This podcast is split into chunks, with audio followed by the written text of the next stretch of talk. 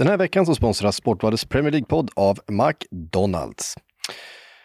Kanske mer än någonsin så är det svenska föreningslivet i behov av sina sponsorer. Och McDonalds sponsrar över 160 idrottsföreningar runt om i Sverige och gör därför en helt nödvändig insats för det svenska föreningslivet just nu. McDonalds brukar ju mena att de är stora nog att göra skillnad och detta är ju ett intyg på att det faktiskt är så. Så veckans avsnitt är alltså sponsrat av McDonalds och det börjar nu.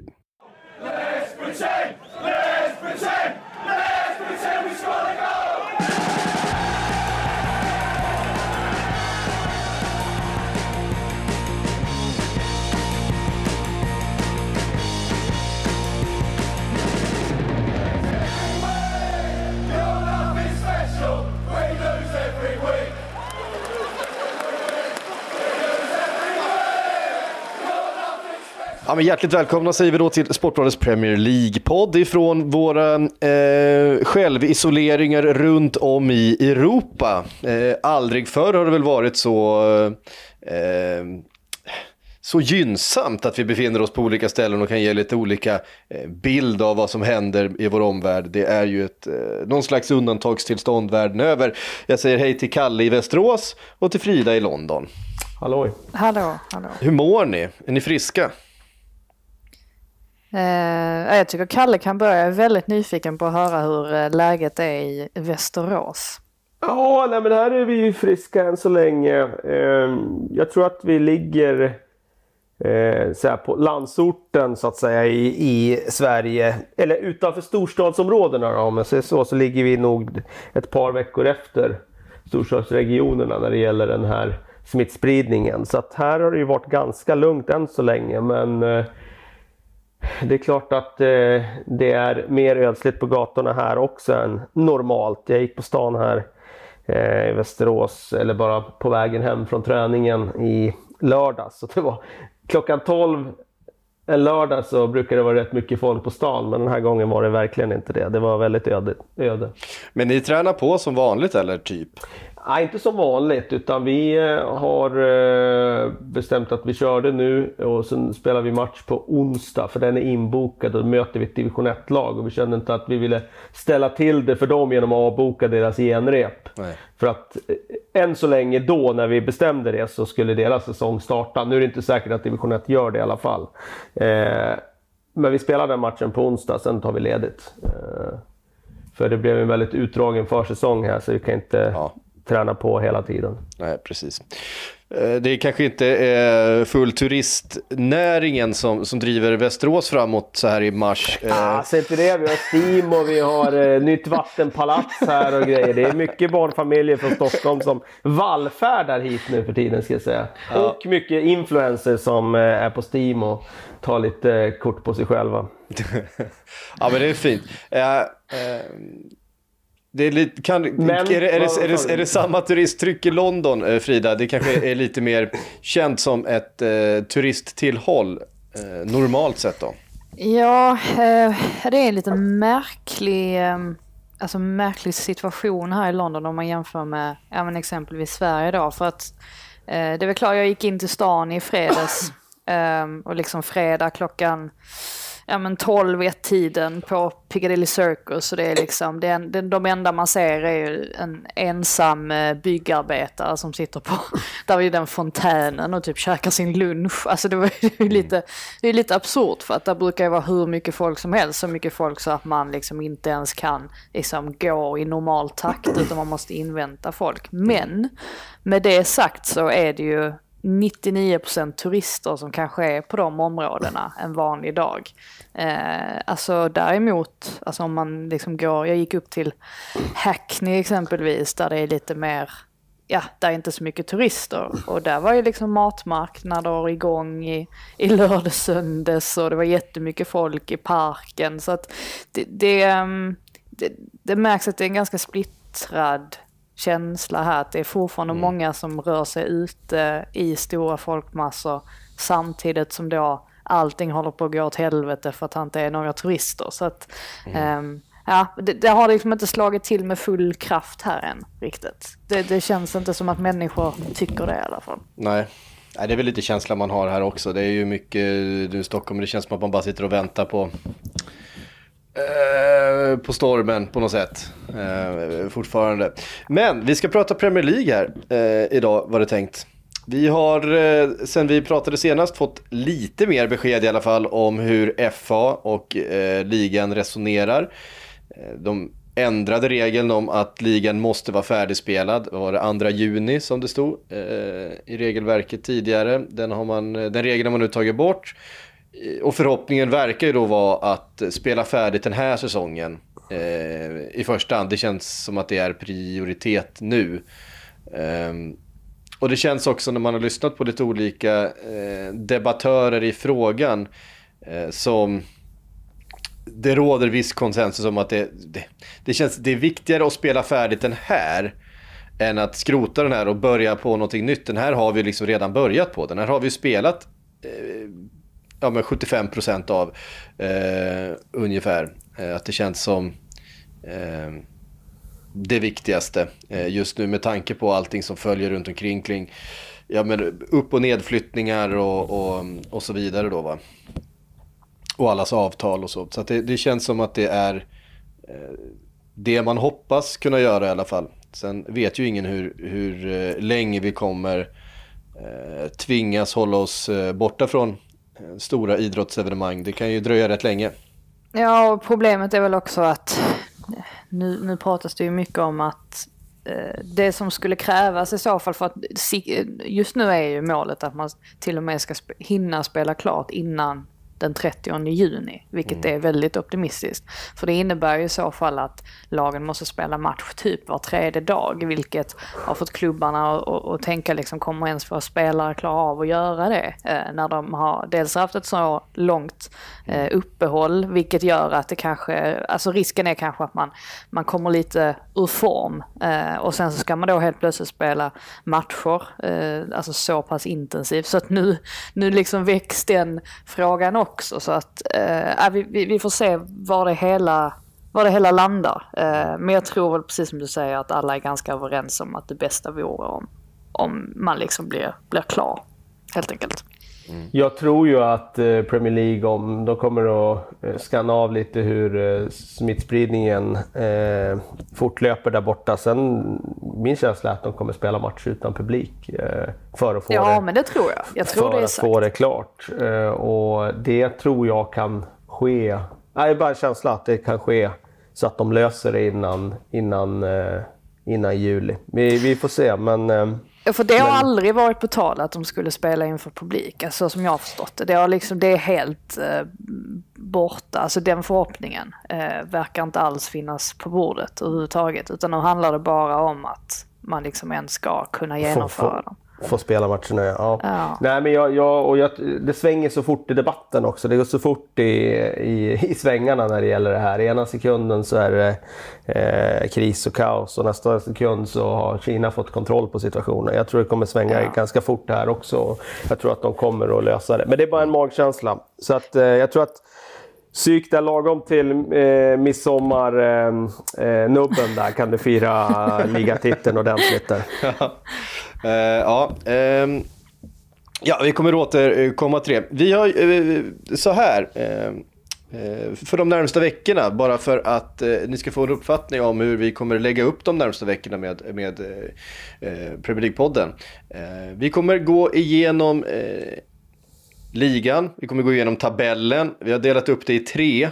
Så de tre närmsta veckorna så kommer vi idag då först börja med att eh, titta på eh, botten tredjedel, botten sjuan som det blir då. Eh, nästa vecka kommer vi titta på mitten och om två veckor så kommer vi ta oss an eh, toppen i tabellen så som den eh, ser ut just nu då.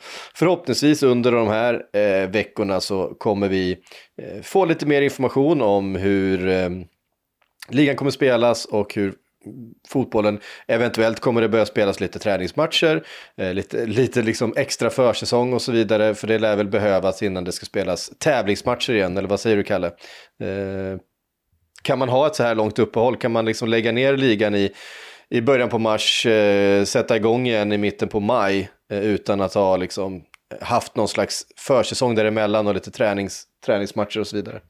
Nej, man behöver värva upp det lite grann igen. Eh, sen eh, de här spelarna, det är skillnad på de här oh, eh, Premier League-spelarna som är vana att spela 60-70 matcher per säsong med, med landslagsmatcher och sådär. De eh, har ju en ganska kort startsträcka. Så att eh, det är lite skillnad mellan dem och, och spelare här hemma i Sverige. Men liten form av försäsong behöver man nog ha när man varvar upp det igen. Mm. Ja, det vet för klubbarna har bussat runt eh, träningsredskap och eh, motionscyklar och sånt där till de som inte hade det hemma. Eh, för att de ska kunna sitta hemma och träna.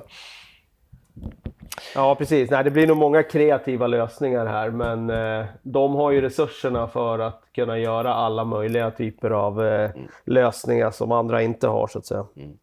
Sen är det några spelare... kan väl några... skicka ut en personlig tränare som, eh, till varje spelare liksom, som, ja. som eh, jobbar individuellt med dem hemma i trädgården.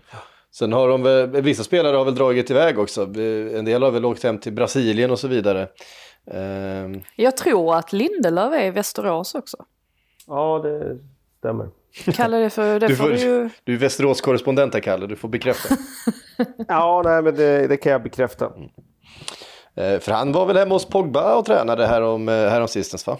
Ja, det såg ut så. Ja. Eh, skulle man kunna tänka sig i och för sig. Eh, det har varit lite snack om spelares löner också under den här perioden och i största allmänhet som de eh, multimiljonärer de är, de flesta av dem. Ehm, eh, och i dessa tider eh, såg Zlatan donerade en hel miljon. Eh, till exempel, det drog igång en, en, eh, en insamling då för sjukvården och för sjukhusen i Italien. Eh, hur mycket initiativ har ni sett runt omkring på sociala medier? Jag tycker ändå att man har, man har nåtts av, av ganska mycket mycket. Eh, det var ju dels hela den där grejen med Abramovic eh, och vad det nu än var. Alltså det roliga är att man ser så många sådana här initiativ och det är inte alltid man klickar sig in på dem utan man bara noterar att, mm. att det är många som engagerar sig i, i den här frågan och det, det är ju fint att se för jag tycker det är Ehm, det är svårt det där med just med löner. Alltså om, om man liksom ska, för det kan tyckas, alltså för oss eh, som inte har sådana monsterlöner så kan det ju tyckas alldeles självklart att man ska kunna liksom kapa 20% av lönen liksom och, och så mm. tänker man att de kommer inte ens märka av det. Men det är inte riktigt så enkelt ändå. Ja, eh, hade man själv, äh, nu har man ju i och för sig fått kapa lönen själv också, men det, man, man vet ju själv att eh, ja, om man har räknat med en viss inkomst eh, under en viss tid så kan det ju faktiskt vara så att man har investerat en massa pengar på något annat ställe vilket gör att man, man är ändå beroende av de pengarna. Det kan ju finnas så många bakomliggande orsaker till varför det blir svårt att kapa en lön med 20% så att det är en svår fråga. Ja, herregud, det finns inget som är så dyrt som att vara rik. Nej, Nej precis. Om man tittar på hur många som går i personlig konkurs av före detta Premier League-spelare mm. så, så har vi verkligen förstått att det går att göra av med pengar om man, om man tjänar dem.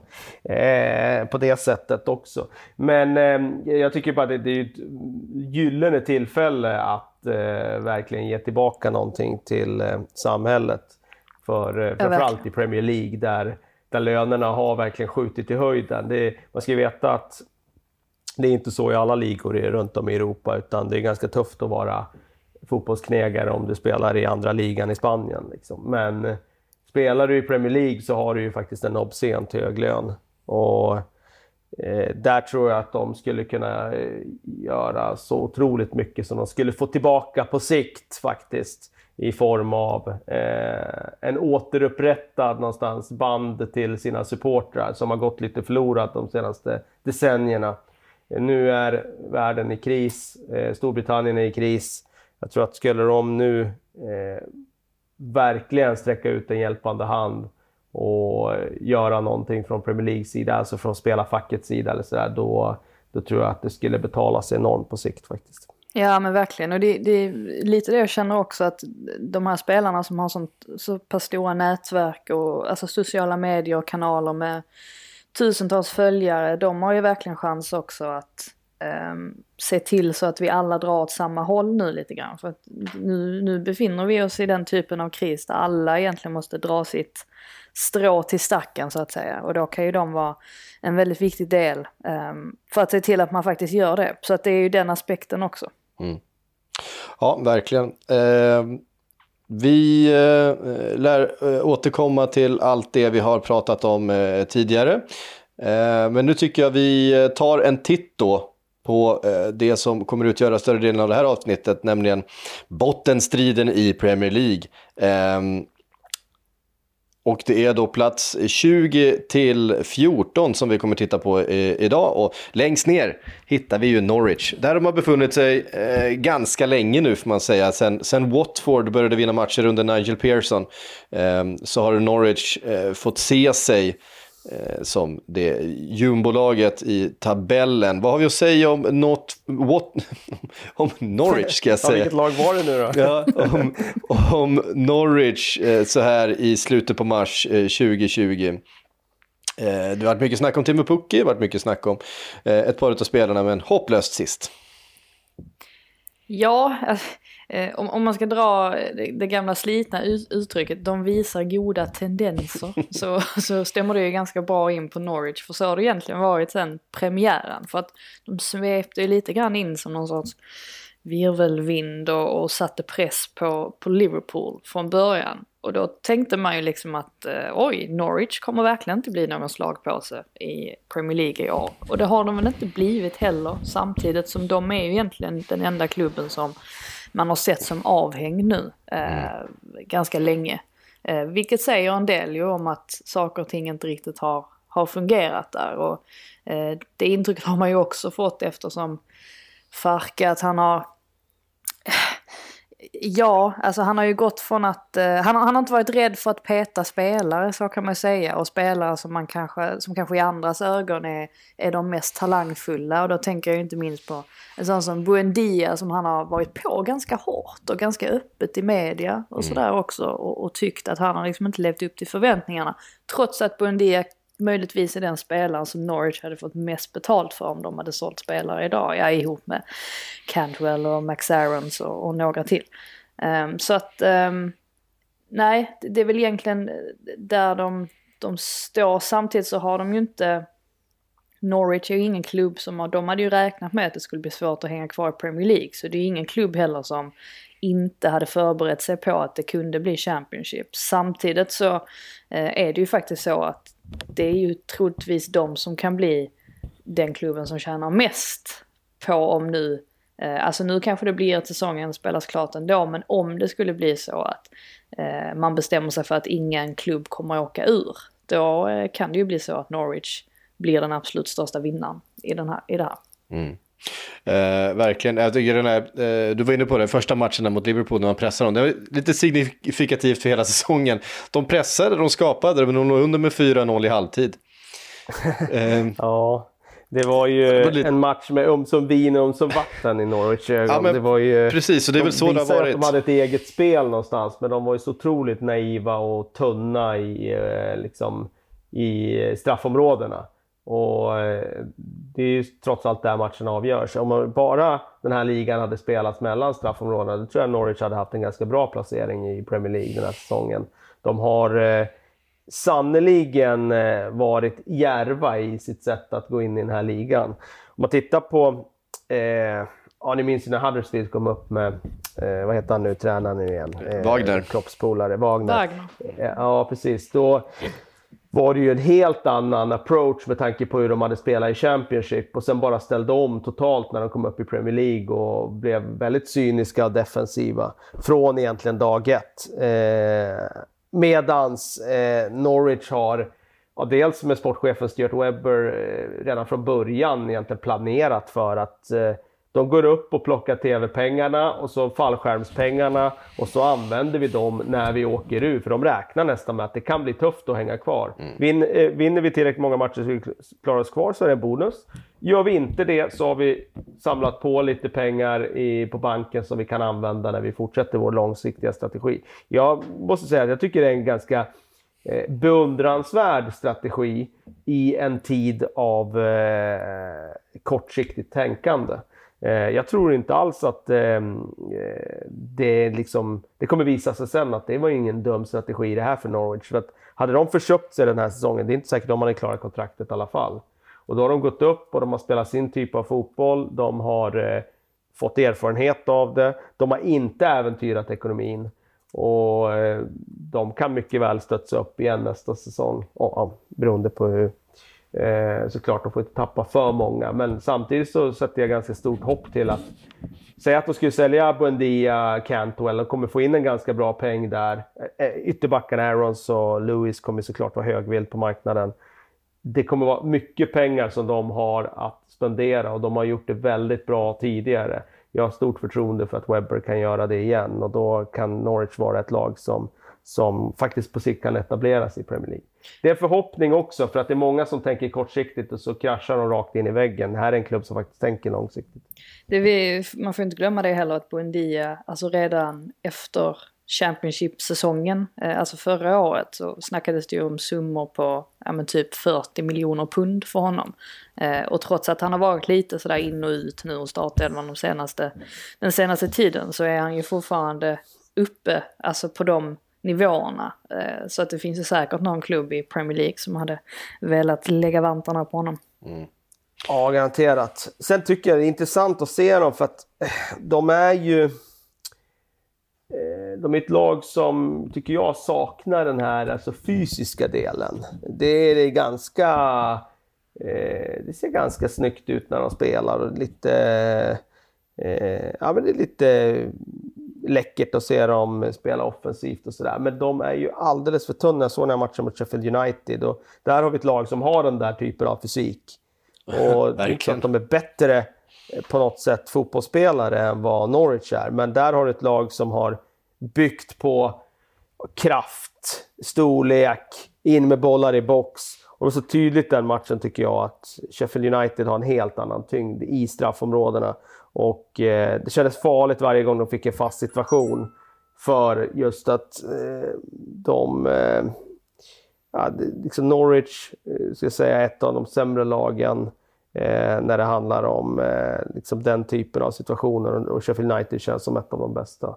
Så att ehm, stor skillnad på de två nykomlingarna kan man ju lugnt säga. Mm. Um, vi går vidare från Norwich då till uh, vilka vi har. Vi Aston Villa eh, som ligger näst sist just nu. Eh, Aston Villa som klev upp då med vissa förhoppningar ändå. Storklubb ju.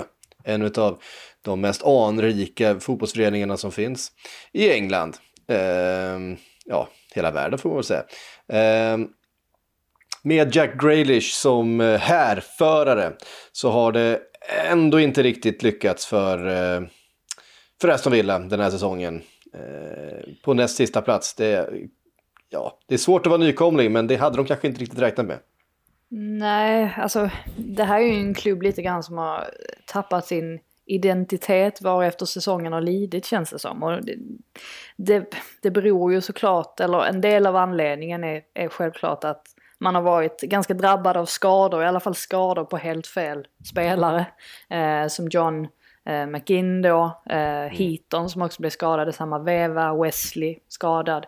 Eh, det, det är ju sådana typer av bortfall som man absolut inte vill ha när man redan kanske inte räcker till.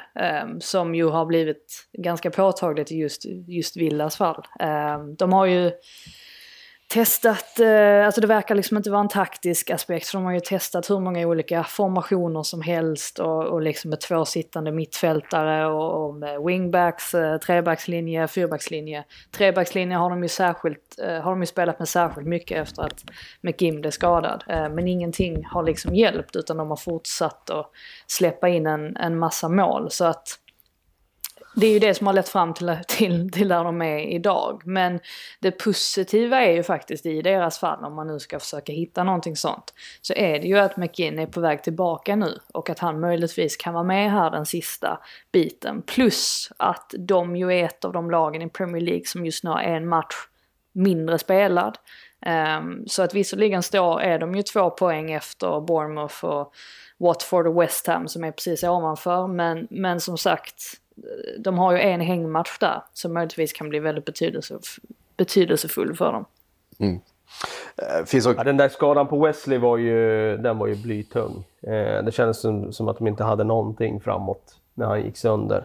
Och det har de ju fått lida av för den här säsongen. Mm. Dock skulle sägas att den här Mbwana Samatta som de värvade i januarifönstret, han, eh, från Tanzania faktiskt, mm. han eh, har ju faktiskt visat sig vara ganska duglig där framme. Eh, det känns som att de har en helt annan eh, slagstyrka i offensiven med honom. Eh, en sån där spelare som kan sysselsätta ett försvar.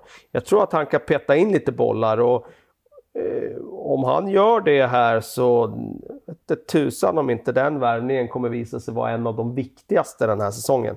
Givetvis, om han gör massa mål och de klarar sig kvar så är det ju en självklarhet. Men jag tror inte alls att det, jag tror att det stor chans alltså att det, att det blir så. Mm. Det, är, det är en sån där spelare som, eh, ja men det är lite sådär bara feeling för att det kan vara lite en Odien Igalo på den tiden när han eh, gjorde mål för Watford. Mm. Alltså han dyker upp från ingenstans och sen bara liksom är han eh, stor och bufflig och stark och eh, petar in mål. Mm.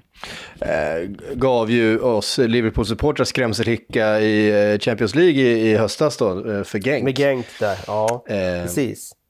Eh, så att, nej, men det är en duktig spelare, absolut. Jag ser, bara, bara scrollade igenom, jag har inte noterat honom tidigare, men jag ser att Aston Villa alltså har en, en amerikan i truppen som heter Indiana i förnamn.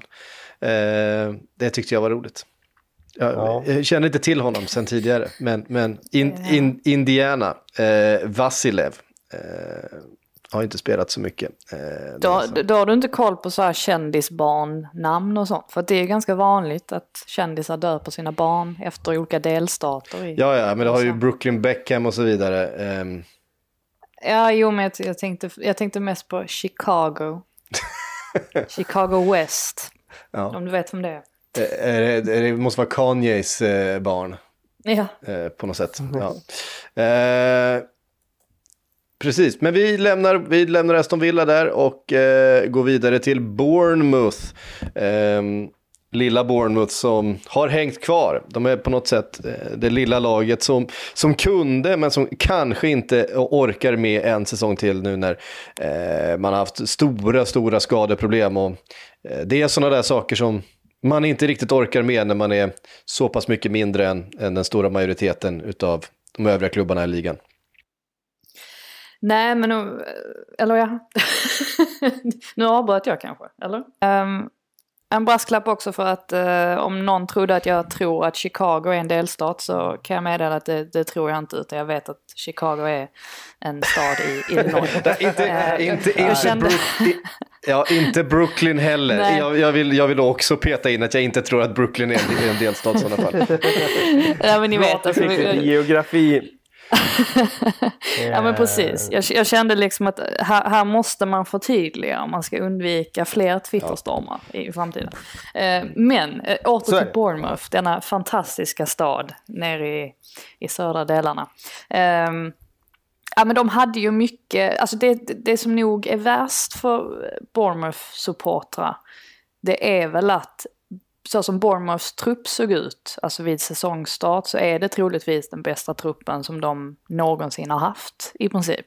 Vilket gör ju det hela än värre att det har sett ut som det har gjort. Sen har vi ju, det har vi ju pratat om många gånger, att alltså deras skadesituation har ju varit i princip ohållbar.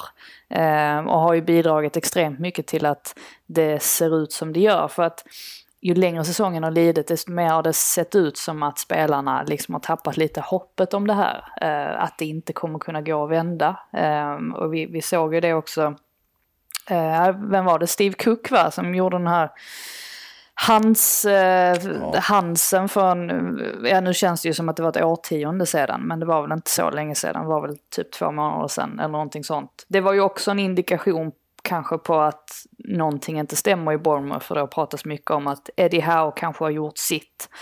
Och så vidare och så vidare. Men nu är ju sanningen att man fortfarande har en ganska god chans att hänga kvar. Eh, och är det, någons, är det några som har spelare som är bra nog för att lyckas göra det så är det ju faktiskt Bournemouth. För att ehm, om, om, vi har pratat om att eh, exempelvis Norwich och även Villa till viss del har liksom redan förberett sig på att åka ur och gjort det i princip under hela säsongen så har ju Bournemouth inte gjort det. Så det är ju många som är oroliga för vad som skulle kunna hända med dem om de åker ur, alltså i vilken typ av situation de hade befunnit sig i då. Mm, Kalle, vad säger du om Eddie House säsong? Det har ju varit liksom Eddie House-projekt det här. Ehm, verkligen. Ehm. Ja, alltså jag är ju lite sådär allergisk mot eh, när man hattar hit och dit eh, eh, när man bedömer en tränare. Jag tycker Eddie Howe var ett ganska bra exempel på det. Det här var ju ett par, tre år sedan där. Då började han säsongen jättebra och då skulle han bli Englands nya förbundskapten. Och så vände det lite grann eh, sen och då var han inte vattenvärd. Eh, alltså han var ju samma tränare i början av säsongen som han var i slutet av säsongen. Det var ingen skillnad egentligen. Alltså det är ju inte som en spelare som tappar formen, liksom, utan du har ju samma kunskaper ändå. Så att eh, jag ska inte säga att han har blivit liksom på något sätt eh, gjort någon dålig säsong på något sätt eller gjort några fel, utan det är ju så ibland. Ibland har du en Pochettino-situation. Ja, dels det eh, kanske. Jag vet inte om det är riktigt så illa liksom att han har... För där kände man väl ändå att det fanns lite... Eh, eh att det pyrde lite grann eh, mellan honom och ledningen och, och, även, vilket sen mynnade ut i att det blev mellan honom och truppen också. Jag har inte känt riktigt det när det gäller Eddie Howe där. Jag tror att han har ganska, liksom, han har fortfarande en stark ställning, spelarna tror på honom, men eh, du kommer in i en, eh, i en period ibland där det går lite emot. Och, den typen av skador som de har haft, inte minst på Brooks, har ju varit eh, extremt kännbara. Och det, kan man säga, det är liksom, skador drabbas alla av. Ja, absolut, men ibland kan det ju vara så att det är just eh, en skada som blir extra kännbar för ett lag och jag vill hävda att skadan på Brooks var väldigt tuff för just Bournemouth eftersom man länkade samman egentligen deras spel på ett väldigt bra sätt. Mittfält med anfall och så vidare. Så att eh, eh, jag kan inte säga liksom att, att eh, Eddie Howe ska ta hatten eh, i hand och, och avgå, utan jag tycker snarare det handlar om att, att eh, de behöver mentalt bara kraftsamla nu för en bottenstrid och gå in i den och kanske skruva ner lite risktagande. Eh, och sen ta, ta, klara det här kontraktet och så kan man bygga vidare. Eh, jag tror inte det handlar så mycket om att, eh, att, eh, att de ska göra så mycket eh, liksom analyser av tränarens situation? Nej, men jag vet ändå att eh, alltså det sipprar ut ovanligt mycket information ur just Bournemouth. Eh, och anledningen är ju givetvis att det är en av de mindre klubbarna i England. Så att det blir lite samma situation som i allsvenskan. att eh, Alltså spelarnas åsikter når journalisterna mycket snabbare än i andra klubbar.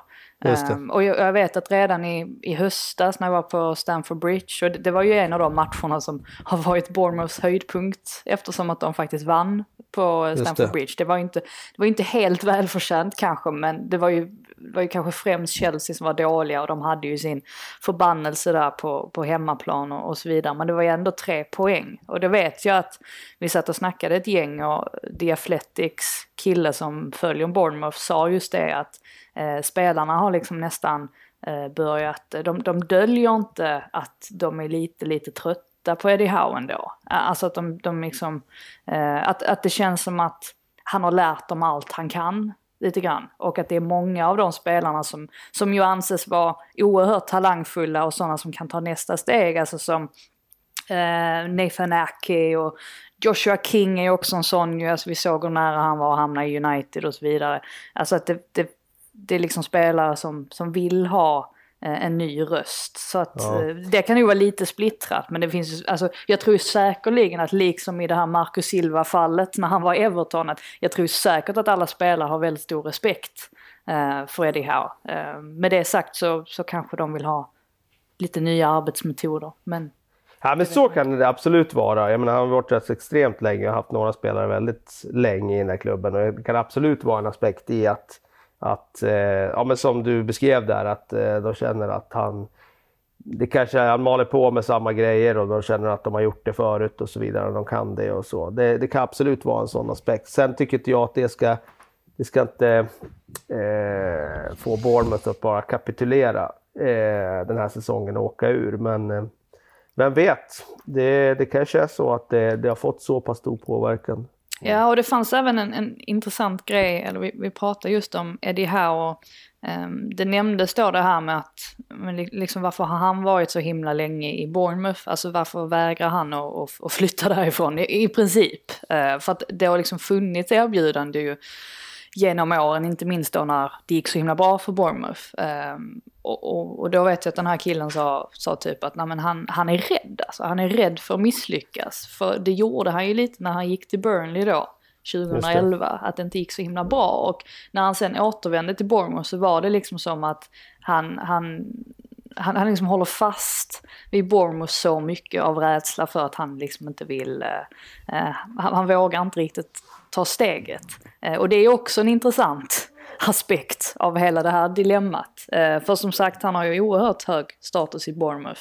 Så att det blir ju tufft där för ägare och ledning och sånt att komma fram till vad man egentligen ska göra.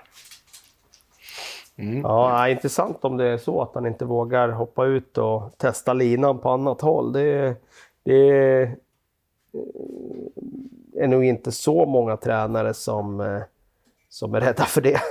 Jag måste vara ärlig. Men lite, lite, lite Wenger-känsla får man ju ändå. Även om Wenger, det var ju en helt annan situation och han hade ju varit, alltså, han var ju någonting helt annat i Arsenal på något sätt. Men det var ju ändå det där också att han inte riktigt ville släppa taget, att det var svårt för honom att, uh, att släppa taget om klubben. Det känns som att det, det, är en liten, liten, liten liknande situation här ändå. Uh, ja, uh, vi uh, får också konstatera då att Bournemouth just nu ligger under strecket på 27 poäng med ett, ett mål sämre målskillnad då än Watford som ligger på 17 poäng. Ehm, vi fick någon fråga om det, om ligan skulle avslutas nu och man flyttas ner på den med nio matcher kvar att spela. Det hade känts, det hade känts hårt. Men Watford just nu också på 27 poäng. Ett Watford som vi trodde hade hakats av eh, för den här säsongen, hittade nytt syre under Nigel Pearson. Har väl eh, kanske inte lyckats hålla i den där eh, fina formen hela vägen in i i eh, coronatiden. Men i alla fall över strecket nu med minsta möjliga marginal för Watford. Hur ser vi på deras tabellplacering och på deras säsong och framtid? Kalle, vill du börja? Ja, jag kan börja. Nej, men, eh, det har ju varit en stor missräkning såklart. Både från, eh, från, från topp till botten i klubben. Dels organisationsmässigt att man och börjar med en tränare, Gracia, sparkar honom, plockar in Kiki Sanchez Flores, går tillbaka till en tränare man haft tidigare. Det kändes som att det var eh, det var ett märkligt val. Eh, det kändes som att det fanns eh, en tränare som liksom hade kvar sin bostad i London och ja, men vi tar honom. Han har varit här förr och han har ju lätt att eh, han är tillgänglig och, och har lätt att hitta boende här typ. Eh, och så tar man han och eh, får inte alls någon effekt av det. Och sen eh, kändes det som att man hittade rätt ändå med Nigel Pearson, för när han kom in så blev det ju ändå en positiv effekt. Nu startar ju de på en, på, i en svår situation. De låg långt efter, eh, eller gav sig själva ett, eh, en uppförsbacke i starten av den här säsongen. Så att den här Pearson-effekten som visserligen avtagit, det är inte säkert att den räcker eh, nu då. Jag tycker dock att som de spelar nu så är det tillbaka till det här gamla Watford. Det är ju så de ska spela. Eh, de ska ju spela med att eh, de har lite mer eh, rakare spel och det mm, när de försöker med annat då, då tror jag att då är de en nedflyttningskandidat. När de spelar det spelet som bygger lite mer på fysik så så kan de vara ett mittenlag. Mitt, problem med Watford, alltså de, den, den, senaste tiden när det faktiskt började gå lite, lite knackigt ändå efter den här eh, enorma effekten, det, det, är att de, det är nästan så att de är lite för återhållsamma. Eh, alltså att Pearson måste komma ihåg att de spelarna han har eh, att tillgå är trots allt spelare som, alltså många av de här klubbarna i, i botten hade liksom eh, gått över lik för att få. eh, och det är ju spelare som kan göra skillnad också. Eh, till exempel i matchen då mot Brighton på bortaplan som eh, där tre poäng hade varit så enormt viktigt. Där känns det nästan som att hela den andra halvleken så bara låter man Brighton liksom styra och ställa i matchen. Även som det alltid kändes när Ducoré fick bollen som att det faktiskt var eh, alltså Watford som, som var liksom storleken större. Så att i det fallet så tror jag faktiskt att man, man ska förlita sig lite mer på att man har väldigt mycket kvalitet i truppen. För att det, det har man. Eh, och det tycker jag, och det, där, där är det ju Alltså ett, ett tecken på det är ju inte minst då att Pearson liksom flyttade fram Ducoré i den här mer advanced midfield position som det heter så fint. Um, som jag har blivit väldigt lyckat. Så att, um, nej, jag, jag, jag, tror att de har mer, mer att ge. Uh, det tror jag definitivt. Fick ju också en otrolig effekt av uh, värvningen av Ismail Azar, uh, senegalesen. Eh, som har varit riktigt fin eh, sen han kom in. Jag vet inte hur många mål han har gjort, men det är några stycken. Ja, framförallt så fick de ju ett kantspel eh, som de inte riktigt hade. Eh, kändes som han har gjort fem kunde... mål och tre assist, det är rätt bra. Ja, Uh, och han, han skapar väldigt mycket på egen hand och ställer till liksom han, fick, han både, både sträckte ut laget lite grann, både, både på längden, längden och bredden kändes som när han, när han kom in. Um, inte minst nu då när, när eh, uh, Dielofeo är, är långtidsskadad så kommer han ju vara väldigt viktig för kreativiteten. Uh, för Watford det blir en, en riktig nyckelspelare. Uh, om ligan tas upp här nu i, i slutet på maj eller när det blir eh, om Watford ska kunna hänga kvar. Vi har ju tre lag eh, annars som ligger på 27 poäng just nu. Då. Det tredje är West Ham. Som eh, tar 16 platsen då eftersom de har två måls bättre målskillnad än, än Watford. Det är, det är tajt runt strecket får man säga. Eh, ett West Ham som ju såklart inte eh, är nöjda med den här säsongen. Eh, det är inte mycket som står rätt till där. Eh, varken, varken på planen eller utanför har det varit stora protester. Eh, på den tiden som man kunde träffas fler än eh, fem personer på samma ställe så samlades West Ham-supportrar i, i, stora samlingar för att protestera mot, eh, mot ägarna framförallt och hur de har skött klubben den senaste tiden. Ett stort missnö missnöje och det finns ganska stora farhågor för vad som skulle kunna hända med West Ham om man åker ur Premier League i det här skedet. Eh, Frida, hur har eh, West Ham-supportrarnas eh, missnöje reflekterats uppåt i klubben? Har, har de tagit till sig någonting i styrelsen tror du? Ja, men det har de väl inte gjort de senaste fem åren, så att det är väl ingen skillnad.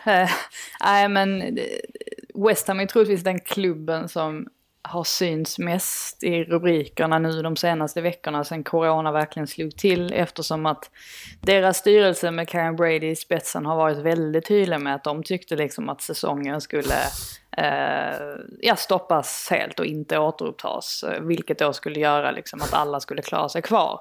Eh, och de har egentligen varit den enda klubben Eh, det har varit någon till som har varit på hennes linje. Det ska inte ha varit Norwich dock eller Aston Villa, alltså någon av de klubbarna i botten. Vilket ändå är, är heders, hedersvärt för, från deras sida. Men eh, nej, som, tyck, eh, som, som då har tyckt det här. Eh, och, och det är ju liksom, ja, ytterligare ett bevis på kanske att eh, just i, alltså de får tycka vad de vill och, och, man förstår ju absolut att de ser till sina egna intressen och sådär. Men, men någonstans så är ju det här en klubb som inte har skötts speciellt väl och det såg vi ju inte minst då i, i trä, hela tränarfrågan. Um, jag kommer ju aldrig glömma liksom Pellegrinis uh, ihåliga ögon på de sista liksom, presskonferenserna. Alltså han såg, han är aldrig speciellt munter. Eh, väldigt, väldigt sällan och bjuder väldigt sällan på sig själv eh, överhuvudtaget. Men, men här var det ju liksom uppgivna svar och han kände ju redan där i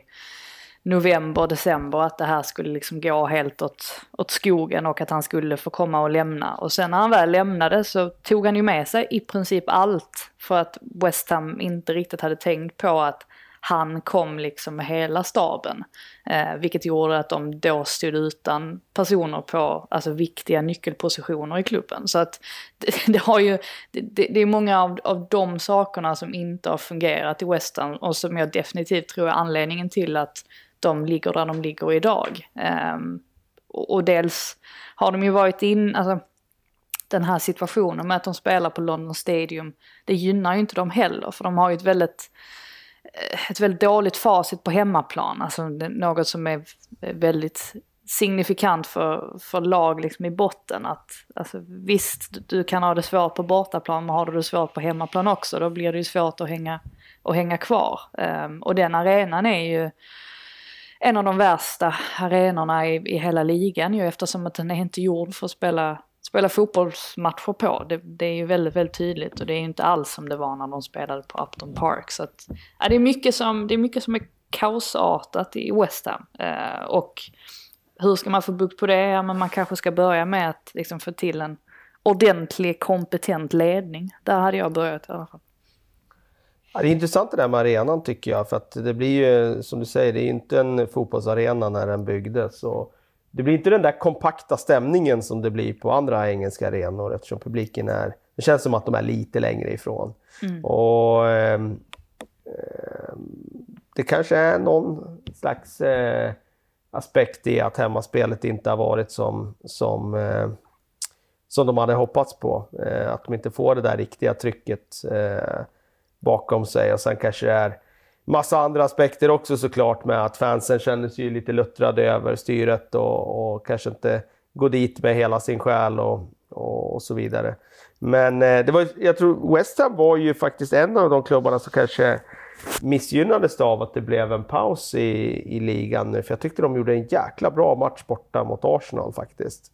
Eh, förlorade ju den matchen med 1-0 men eh, hade ju definitivt chanser för att få mer med sig från den matchen än, än så. De hade ju, jag menar Antonio, hade han varit lite mindre eh, slarvig så hade ju han kunnat gjort mer. Bowen, som jag tycker är ett jättefint nyförvärv som plockar från Hull City där hade skott i stolpen och så vidare. Så att, tyckte de såg ganska bra ut i den matchen. Gjorde ju också en uh, jättefin match uh, veckan tidigare där när de slog Southampton på hemmaplan.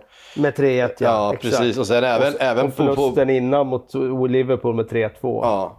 Uh, så de har, de har haft en ganska bra trend mm. så jag tror att uh, deras kurva pekar trots allt uppåt här trots att det var två förluster på tre matcher men det var ändå förtroendeingivande insatser.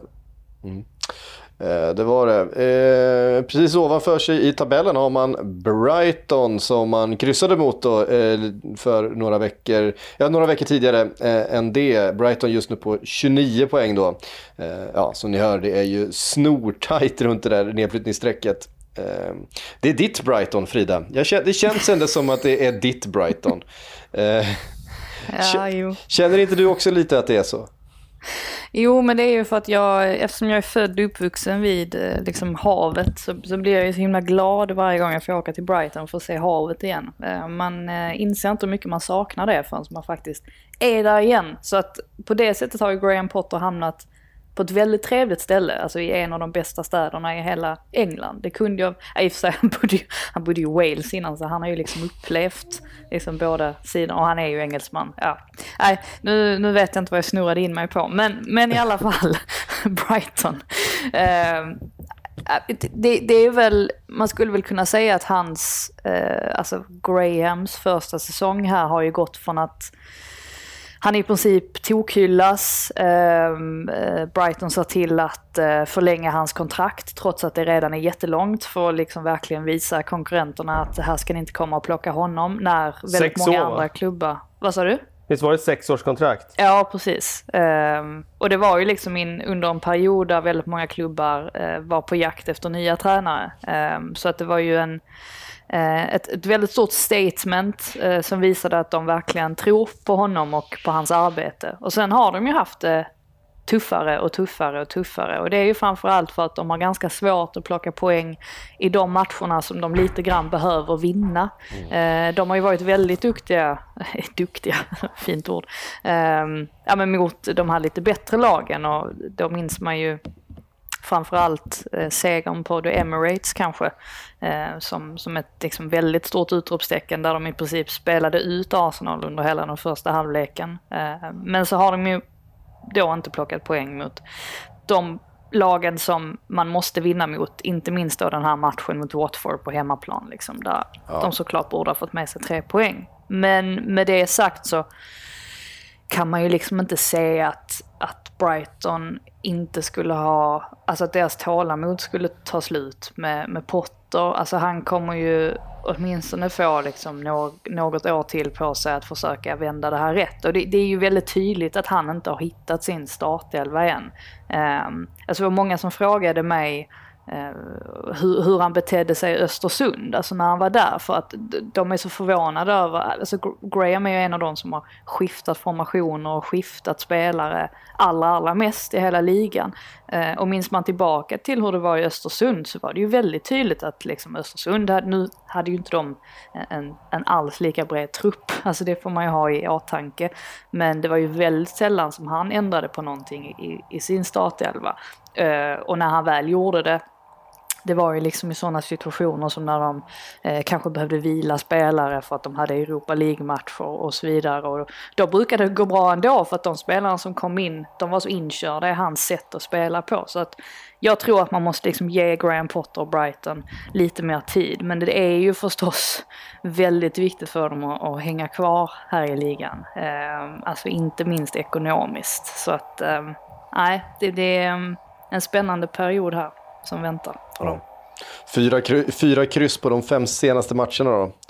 Eh, det är lite typiskt, det är lite typiskt ett sånt här lag känns det som. Eh, det finns ett spel där men, men poängen räcker inte riktigt till.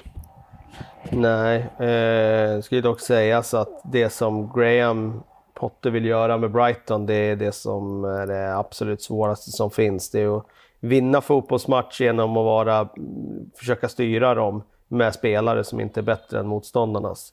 Jag skulle snarare säga att de har en trupp eh, som är bottentrean i ligan. Eh, plus minus någon placering, men bättre än så är de absolut inte om man tittar på de andra lagens trupper.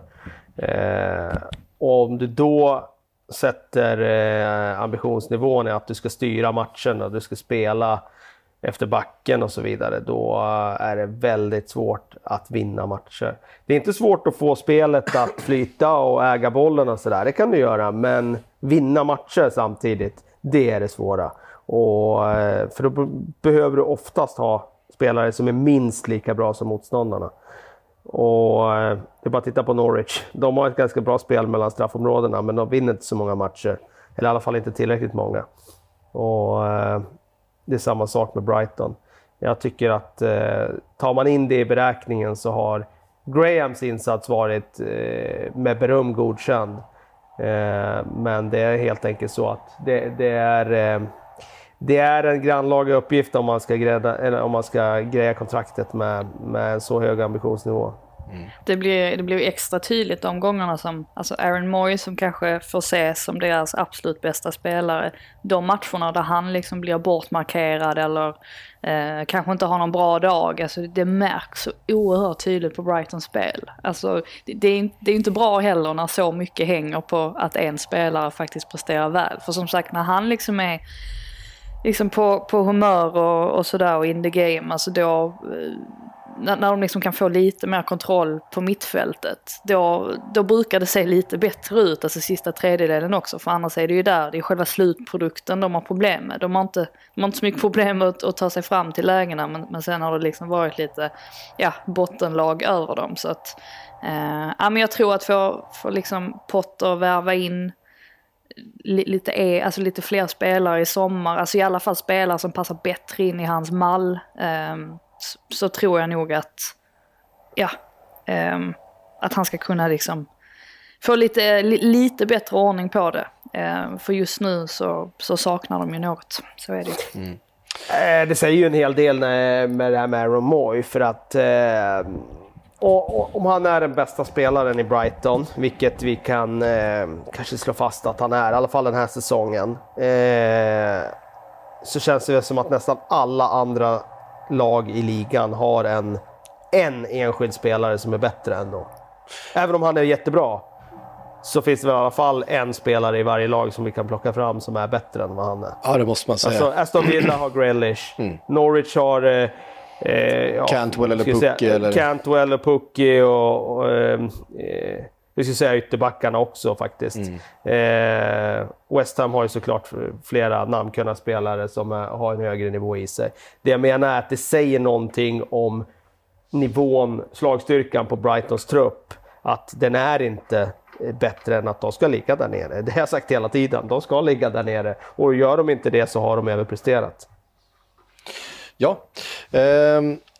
Sista laget vi kommer att prata om idag då. Då får vi ta ett litet kliv upp i, eh, i poängskörd eh, från 15 till 14 plats. För här hittar vi Southampton som ligger på 34 poäng och borde väl med tanke på hur tajt det är neråt eh, kunna känna sig ganska trygga om att ha säkrat eh, ligaspel till nästa säsong. 34 poäng med nio matcher kvar att spela. Det ska inte eh, vara någon fara på taket för Southampton till slut ändå. Eh, eller vad säger ni? Nej, så är det väl och här får man ju verkligen prata om en uh, rejäl uppryckning. Um, med tanke på att det var inte så fasligt länge sedan som de liksom föll med 0-9 mot Leicester på hemmaplan. ja, och man tänkte att nu... Ja, det, säsongens det, match. Ja, på, väldigt många sätt. Um, alltså inte, inte minst uh, ja, alltså då antal mål men också att det var hemmaplan och, och uh, ja, det, det, det var ju så enormt på så ur så många liksom, perspektiv. Eh, men, men det Southampton gjorde rätt med facit i hand, det var ju att fortsätta tro på att Hassenhüttel inte var problemet, eh, vilket han uppenbarligen inte var. Eh, och i början hade de ju också svårt att, de släppte in alltså många mål, liksom de flesta bottenlagen gör, så eh, rann det in för mycket, inte minst i den matchen. Men efter att man liksom började få, få ordning på det lite mer så har ju resultaten alltså blivit betydligt bättre. Så att de är ju verkligen ett exempel på där man kan få ordning på, på saker och ting, alltså liksom i, i Watfords fall att de också liksom lyckades vända en så pass negativ trend. Um, och, och, det är ju som sagt, det är ju framförallt för att de har fått ordning på, på försvaret. Mm. Och, och just det, gud, Danny Ings också självklart, att han har mm. levererat framåt. Ja, det har varit, eh, varit en liten renässans för Danny Ings ju efter alla problem han har haft. Eh, verkligen komma in och visa vilken, vilken anfallare det är. Alltså ett eh, otroligt målsinne han sitter på.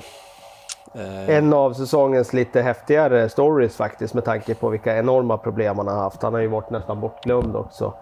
Eh, I alla fall för de stora klubbarna och nu börjar det spekuleras i att de stora klubbarna kanske borde vara där och rycka i han igen. Eh, han gjorde ju sitt försök där i Liverpool utan att det gav någon eh, varaktighet direkt. Men, han var ju skadad eh, nästan hela tiden. Ja, precis. Sen hade han ju förmodligen inte etablerat sig ändå. Eh, men... Men ja, en häftig renässans där ja, i alla fall. Han var otroligt omtyckt och faktiskt ganska högt ratad utav, utav Klopp. Eh, han ville inte släppa honom för tidigt. Han insåg till slut att eh, han måste få speltid och så vidare. Men han, han eh, har hade väldigt fina ord att säga om, eh, om Danny Ings, både som, som eh, människor som spelare. Han sa att det här, det här är en, en bättre spelare än vad ni eh, kanske tänker er när han, när han nu liksom har varit borta så länge. Eh, han är riktigt det är bra. Kanske, det är kanske en av de spelarna också som förlorar mest på att EM flyttas till nästa sommar. För med tanke på vilka skador som ändå fanns mm. liksom på de offensiva positionerna så var ju Danny Ings inte helt liksom um, alltså långt borta från att faktiskt få en plats i, i truppen. Och jag tror att alltså, i, i och med att det blir nästa år nu så lär troligtvis de chanserna minskas med tanke på att man, man tror väl inte att England kommer ha så pass otur att alla de offensiva spelarna i princip blir skadade samtidigt. Eh, men ja, eh, alltså en oerhört fin eh, säsong från hans sida. Och sen så har ju även den här liksom eh, 19-årige talangen Obafemi, alltså han har ju också eh, levererat ganska bra ju så att det, mm, nej, eh, helt plötsligt så, så såg det ljust ut igen för, för Southampton. Ehm, och det var ju väldigt skickligt att kunna vända på det. Ja, verkligen. Och det, det, finns ju spelare i Southampton, men det säger man ju alltid liksom. Man har på något sätt vant sig vid eh, att, att det finns spelare i Southampton som, som eh, levererar på en hög nivå. Ehm, men Eh, eh vi väntar ju på en sån här som Ward Prowse till exempel, som jag fortfarande tycker kan, eh, kan lite för lite så länge bollen är i rullning, men på, på, på liggande boll är han ju otroligt bra. Lite kul med, med Obafemi där att eh, Southamptons akademi var ju eh, extremt skicklig på att få fram spelare under många år där. Och, eh, eh, sen ströps ju det där. Eh, levererar inte alls i samma takt längre, men nu har de i alla fall Ja, de har ju värvat honom i, i unga år såklart, eh, men sen har ändå gått den vägen upp i alla fall, eh, något år i akademin och vidare upp i A-laget. Mm. Um, det var lagen som vi hade att, att, att, att, prata om den här veckan. Nästa vecka kommer vi då ta oss an eh, tabellmitten. Eh, där hittar vi lite överraskande lag som Arsenal och Tottenham.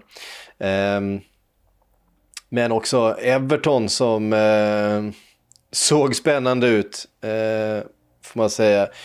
Eh, Crystal Palace och Burnley, ja, det blir ett, det blir ett eh, helgjutet avsnitt nästa, nästa vecka också. Men före vi ska knyta ihop det här så ska vi svara på lite frågor. Jag vill också, eh, Frida, prata lite grann om en lista som du satte ihop eh, i helgen här med de mest lovande eh, spelarna födda på 2000-talet, visst var det så? Ja, otroligt eh, lite kritik har jag fått för den. Eh, väldigt förvånad. Det har mest varit liksom sådär, ja men bra, jag håller med och så vidare. Så att det är ju Svår, stor succé. Eh, svår lista att göra ju. Ja, men det är det. Och, och, det var så för att jag liksom resonerade fram och tillbaka med lite andra kollegor och vänner och sådär eh, kring det hela. Och det, det, det, är ju, det är ju väldigt individuellt och det beror ju helt på hur man räknar så att säga. Men jag valde ju att lista spelare då som är födda efter millennieskiftet, så man måste vara född 2000 eller senare och så tillhöra en Premier League-klubb. Och då kan man även vara utlånad liksom till, till en Championship-klubb så länge man tillhör den. Mm. Um, och jag, ja, för att göra en, en lång historia kort så valde jag till slut en topp 3-trio med Mason Greenwood, Gabriel Martinelli och Phil Foden på tredje plats. Eh, och känner mig ändå liksom hyfsat sådär hyfsat nöjd med det. Eh, för att med tanke på vad man sett av Mason Greenwood under säsongen så ja, det, det, det känns som att han kommer vara med väldigt, väldigt länge och kan han prestera på det här sättet liksom nu så får han ett par år till på sig så, så kommer han ju utvecklas ännu mer och samma sak gäller egentligen Martinelli också, de är ju lite liknande varandra på, på det sättet. Men jag vet mm. inte vad ni hade, vem ni hade satt i topp om ni hade fått bestämma. Ja, men jag kan nog skriva under, skriva under på den topp tre. Det som är, det som är fascinerande är att, att Phil Foden är med där, för det känns som vi har pratat om, om honom så länge. Mm. Eh, eh, nu har vi till exempel en Jadon Sancho också som klart hade toppat den där listan om han hade tillhört en engelsk klubb. Eh, han är ju engelsman eh, och född på 2000-talet. Men eh, ja, jag, jag skriver nog under på den trion. Ja, jag, jag tycker också att det är topptrion. Eh, sen inbördes i ordning kan man alltid diskutera, men jag, jag ser inte några så här, större problem med det. Jag tror att Phil Foden, hade han varit i en annan miljö och fått spela med så hade han mycket väl kunnat vara detta. Ja. Men nu gör han ju inte det. Nej. Ja, jag tror att en, en av de mest eh, liksom, kontroversiella grejerna är kanske att ta i, men jag satte ju liksom Billy Gilmore på, som femma Eh, och det är ju egentligen baserat på ganska lite. Alltså det är ju bara mm. baserat på hans match mot Liverpool och sen så hans debut där då. Där han liksom bara kliver in och beter sig som att han har spelat 200 A-lagsmatcher. Eh, men han är ju verkligen en sån som på något sätt alltså där man liksom kände direkt alltså från första sekund att här har vi ju verkligen en talang som, som kommer, eh, ja alltså han, han kan ju bli hur bra som helst Känns det ju som. Eh, och det är ju rätt intressant det där att för exakt ett år sedan då hade man ju kanske satt Hudson Odoi väldigt högt. Mm. Eh, Medan han på min lista nu har åkt ner ganska långt, liksom ner på, ja, vad har jag honom, på tionde plats tror jag. Eh, så, så det, ja, men det, det, mycket kan hända liksom, både på, både på liksom en vecka och på tolv månader som det har varit i Hudson Odois fall. Mm. Ska jag ändå säga det, om, eh, jag tänkte på Phil Foden, jag var tvungen att kolla upp lite stats på honom. Han har ändå eh, gjort 26 matcher för, för eh, det är såklart mycket inhopp, eh, men eh, 26 matcher för Manchester City den här säsongen. Tre mål och sju assist. Eh. Ja, han har ju varit framgångsrik när han väl får chansen i cuperna sådär. Mm. Eh, men det blir ju sådär, eh, man dissekerar de där 26 matcherna så tittar man hur många av de där matcherna är de stora, tunga matcherna i Nej, ligan. Så är, så är, det väldigt, väldigt få. Sen är det väldigt många i cuperna och det är liksom när det är avgjort och allt det där. Men eh, absolut, till antalet så, så, så kommer han ju upp i en, i en eh, hyfsad nivå. Det är, det är ju gott så, för de, de minuterna behöver han ju. Mm. Han har väl varit lite bättre som alltså central mittfältare lite mer. För han har ju spelat ytter i några matcher. Jag vet inte om han har, han har kämp, haft det lite kämpigare. Mm. Ja, jag tyckte att han... Eh, han måste spela centralt. Han hade jätteproblem. Eh, ja, när Guardiola satte han på kanten där. Eh, Mot United var ja, han inte... precis. Och sen när han väl fick komma in i mitten så såg han ju betydligt bättre ut. Han har ju en sån fantastisk teknik och sån... sån eh, alltså han har ju verkligen... Det syns ju att han har eh, befunnit sig bredvid David Silva liksom under så stor del av sin, eh, utav sin karriär. Det är, man kan ju ha sämre fötter och, och ta efter på något sätt. Eh, men han har ju den där mjuka bolltouchen och den där förmågan att spela så lugnt i, i, i trånga situationer och, och, och hitta vägar fram. Eh, så otroligt svag för Phil Fodens sätt att spela fotboll på. Det är ju väldigt mycket, väldigt mycket en understudy till, eh, till David Silva såklart. Mm. Eh, ja, Eh, vi ska ta och svara på lite utav era lyssnares frågor då före vi eh, eh knyter ihop säcken för eh, den här eh, veckan. Vi har fått en från Bear Hellstream här. Eh, vi var inne på lite spelares löner och så vidare. Han har en fråga. hur fungerar det för fotbollsspelare med sjuk och skadedagar? Har de avdrag på lönen, karensdag, semesterlön eller har de 100% av lönen oavsett? Jag vet inte hur det funkar i Premier League, men här i Sverige är det ju precis som, att, som det är eh, för en vanlig arbetare, att du har eh, eh, att klubben betalar lönen då i 14 dagar och sen när du är sjukskriven så är det Försäkringskassan som går in och täcker upp till ett visst belopp. Mm. Uh, jag tror inte att Försäkringskassan kommer kliva in uh, för några Premier League-spelare i och för sig. Nej, det tror jag inte. Uh, däremot så har de väl inkomstförsäkringar på olika sätt. ja, så är det ju. Och det kan nog skilja sig ganska mycket mellan olika spelare också, vilken typ av kontrakt de har. Hur stor del av lönen, de har säkert en grundlön och sen då en viss del av lönen som baseras på hur mycket matcher de spelar och så vidare.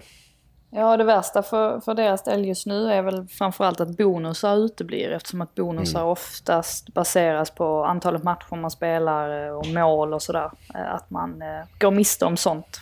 Mm. Eh, eh, Niklas S. Eriksson undrar, vilket är det bästa laget som inte vann och vilket är det bästa laget som åkt ur? Ja, det bästa laget som inte vann, det måste väl ändå vara Liverpool förra säsongen.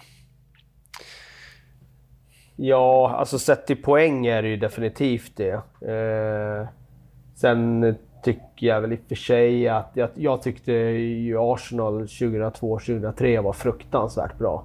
De vann inte ligan det året. Eh, United sprang om dem på våren. Men det var ett fruktansvärt bra lag. Med tanke på om man tittar på vad de gjorde för säsong året efter.